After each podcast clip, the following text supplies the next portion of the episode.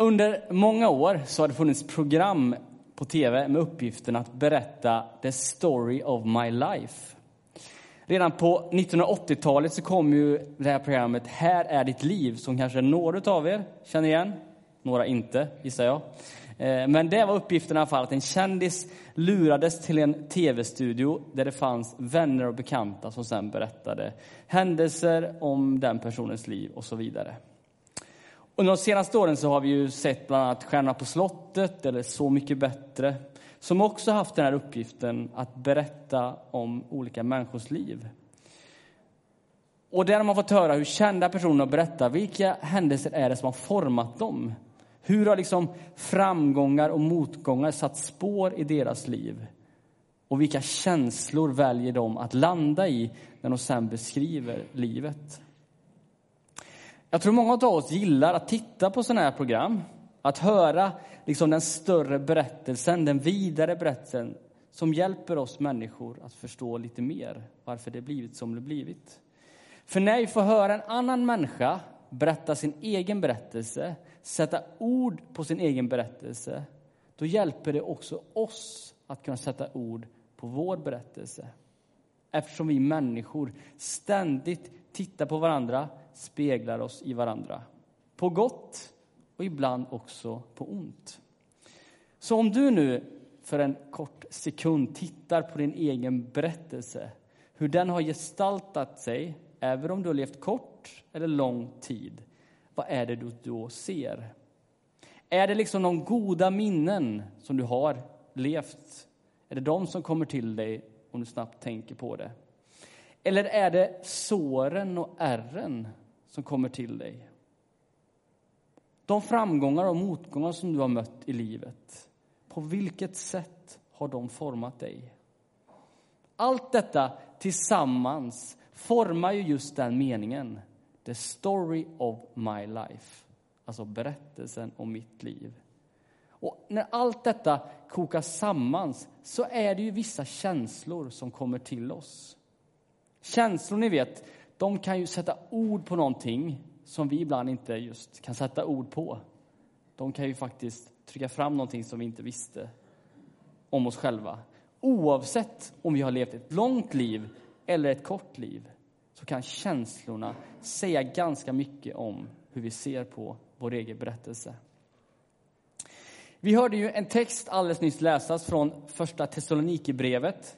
Ehm, Liten bakgrund till den församlingen i Thessaloniken.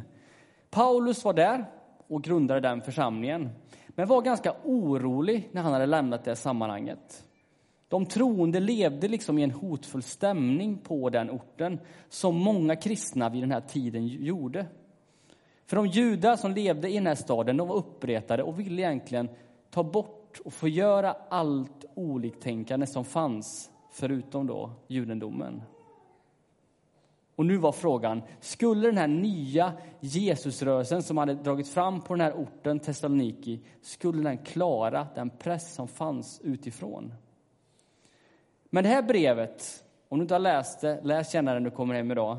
Det andas ändå tacksamhet och glädje. Det fanns ett tydligt förtroende från Paulus då, den stora ledaren som hade varit och byggt den församlingen, och den här församlingen. Ett tydligt förtroende mellan dem. Och tonen i det här brevet är varmt, omsorgsfullt, även om det ibland kommer fram förmaningar. För det är precis det vi hörde läsas i den här texten, som jag strax ska gå igenom. En förmaning att bli bättre, att leva mer Jesuslikt. Men det, på det sättet Paulus lägger fram den här texten och det här brevet gör han det på så omsorgsfullt sätt som jag tror är en nyckel när vi ska på ett sätt försöka lyfta fram våra liv och försöka bli mer lik Jesus så behöver vi lyfta fram det på ett sätt som är omsorgsfullt. Inte hotfullt, utan omsorgsfullt. Och det hoppas jag att vi kan göra i den här gudstjänsten. I det Paulus säger då, i mitten av kapitel 5 i det här brevet, så pratar han om en förmaning. Och där väljer han att först tala om ordet vrede. Han förkunnar först då vad Gud inte har satt människan till att göra för att sen också berätta då i slutet av det här resonemanget vad som faktiskt är Guds uppgift för människan. Så vad är det då människan inte ska bli i det här sammanhanget? Jo, inte bli offer för vreden. Ni vet, att känna vrede, ilska, ursinnighet eller till och med raseri. Det kan ju kopplas till många psykologiska tolkningar när vi blir sårade, när vi känner oss kränkta eller till och med förnedrade. Och jag vet ju det att alla människor upplever i olika situationer i sitt liv en ilska, en vrede. Och den här vardagliga vreden som vi många kan känna igen oss i, när man till exempel ska försöka tajma en buss eller tåg och missa det. Eller när man ska försöka sätta på sig sin tvååring vinterkläder och den plötsligt har bestämt sig för att vara en mask som ligger på golvet. Vreden, den kommer till en, det gör den. Eh, även mig. Eh, men det finns också vrede som har en större koppling, inte bara den här vardagliga vreden, som också handlar om värderingar. Och då tänker jag den här ilskan som kan komma när vi inser att det finns orättvisor som inte på något sätt borde finnas. Att barn svälter, att människor kidnappas, som vi hörde här alldeles nyss. Att människor behöver fly på grund av vad andra människor har gjort, eller vad man tror på, eller på grund av klimatet. Så vilken vrede är det Gud talar om i den här kontexten? Ja, det är varken vardagsvreden eller värderingsvreden. Och i sig så är det inte vreden i sig som är problemet. Gud själv, eller Jesus själv vet ju vad det är att vara människa. Han vet ju att vreden har en viss plats.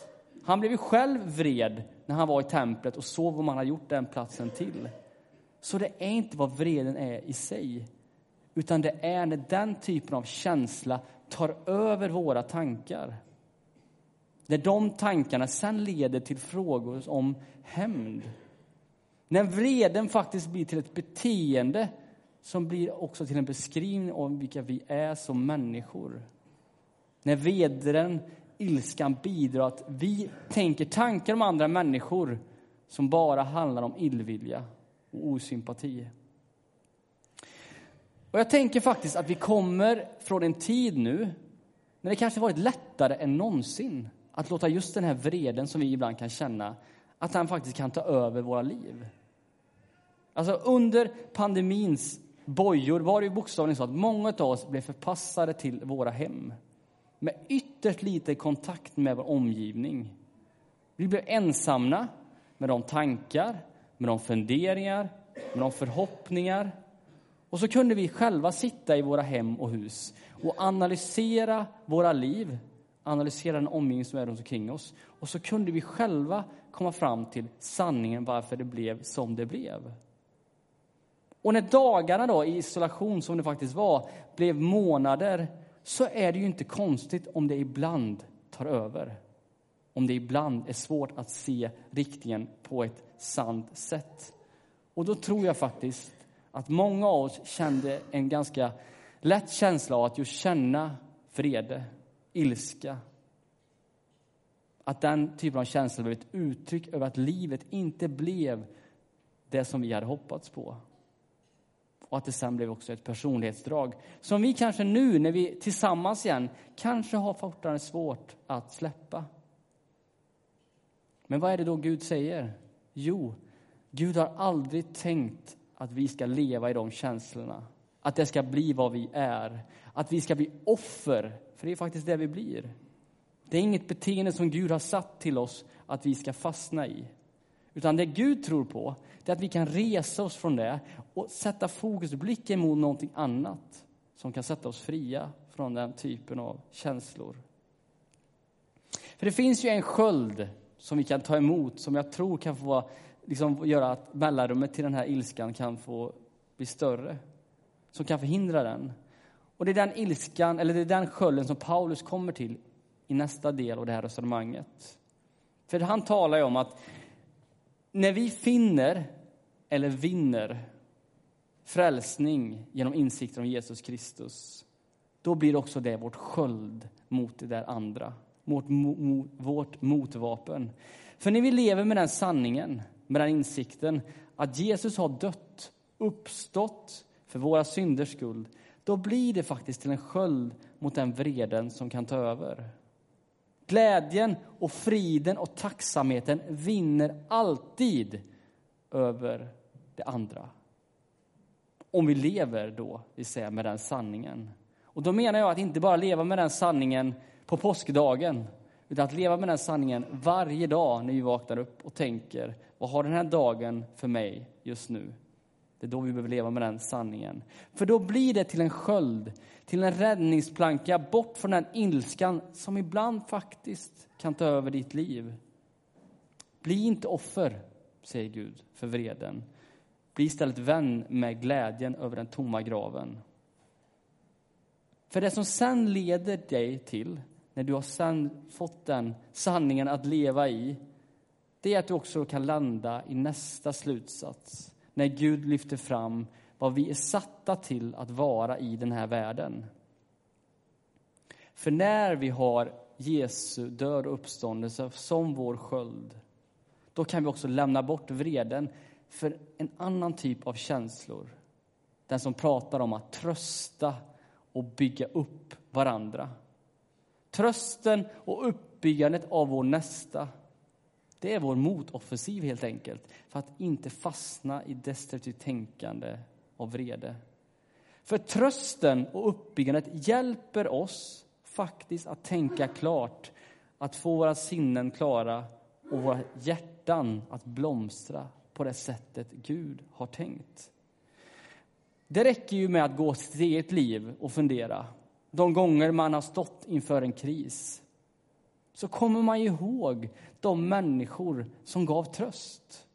Den människan som hörde av sig. Den människan som man ställde mat utanför ens dörr. Den människan som la en hand på ens axel. Ja, men de människorna, de kommer man ihåg. Den trösten man fick i det sammanhanget, det betyder ju mer än allt annat man har fått uppleva. Trösten, en oerhörd kraft som vi kan känna av, både när vi ger den, för det vet jag också att vi känner, när vi ger tröst, så känner vi att vi gör någonting bra. Men när vi också får ta emot trösten, så gör det någonting med oss på ett sätt som gör att vi blir hela. Och samma sak är det ju också när vi väljer att bygga upp varandra. Det finns ju få saker som har en så genomslagskraft när vi säger eller när vi gör handlingar som inte är satta för att trycka ner en annan människa utan för att bygga upp en annan människa. Och inte minst tänker jag på det samtalsämne som jag tror varit på många släppar den senaste veckan. Du kan lägga upp den bilden, Oskar. Jag tänker såklart på den 12-åriga pojken Morhaf Hamid. Morhaf, han har inte ens ett uppehållstillstånd i Sverige. Bara det är fruktansvärt. Men ändå väljer han att när hans klass ska samla in pengar till Majblommorna, en organisation som finns till för att barn i Sverige idag har ekonomisk utsatthet. Då tänker han ändå, trots att han inte har en uppehållstillstånd, att jag ska börja samla in pengar för de barnen som har det på samma sätt som mig egentligen. Så han börjar att samla in pengar. Och vad får han då möta när han väljer att göra det uttrycket? Jo, han får folks vrede. Han får folks ilska för det de gör i den situationen, det är att de försöker trycka ner honom. Visar, gör rasistiska påhopp som gör att man tänker nu har de ju sänkt honom. Nu har människan ännu en gång visat sitt rätta jag. Men det fantastiska är att det är inte därför jag lyfter upp den här berättelsen. För i den situationen, när han trycks ner, så finns det andra människor som väljer att lyfta upp honom, att bygga upp honom. Och idag, eller igår när jag kollade hur mycket pengar han hade fått samla in, så tror jag att han har sålt majblommor för 4,8 miljoner kronor. Så är det. Och det är ju helt ofattbart att ta in eh, just den delen. Men det visar också på att människor kan. Människor har en förmåga i de bästa situationer att lyfta blicken och ge den här chansen. Och den här berättelsen om honom, hur han har fått resa sig. Och jag hoppas också att han i slutändan också ska få uppehållstillstånd, för det finns inte en, ett barn i detta land som ska leva med de känslorna att inte veta att man inte får vara kvar. Men det visar ändå någonting. Att när vi ger tröst och när vi bygger upp varandra så kan det uppstå fantastiska saker. Korsets kraft och uppståndelsens morgon, den gör att det jag säger idag, att jag kan säga det. För den visar på att godheten alltid kommer att vinna över ilskan, oviljan och mörkret.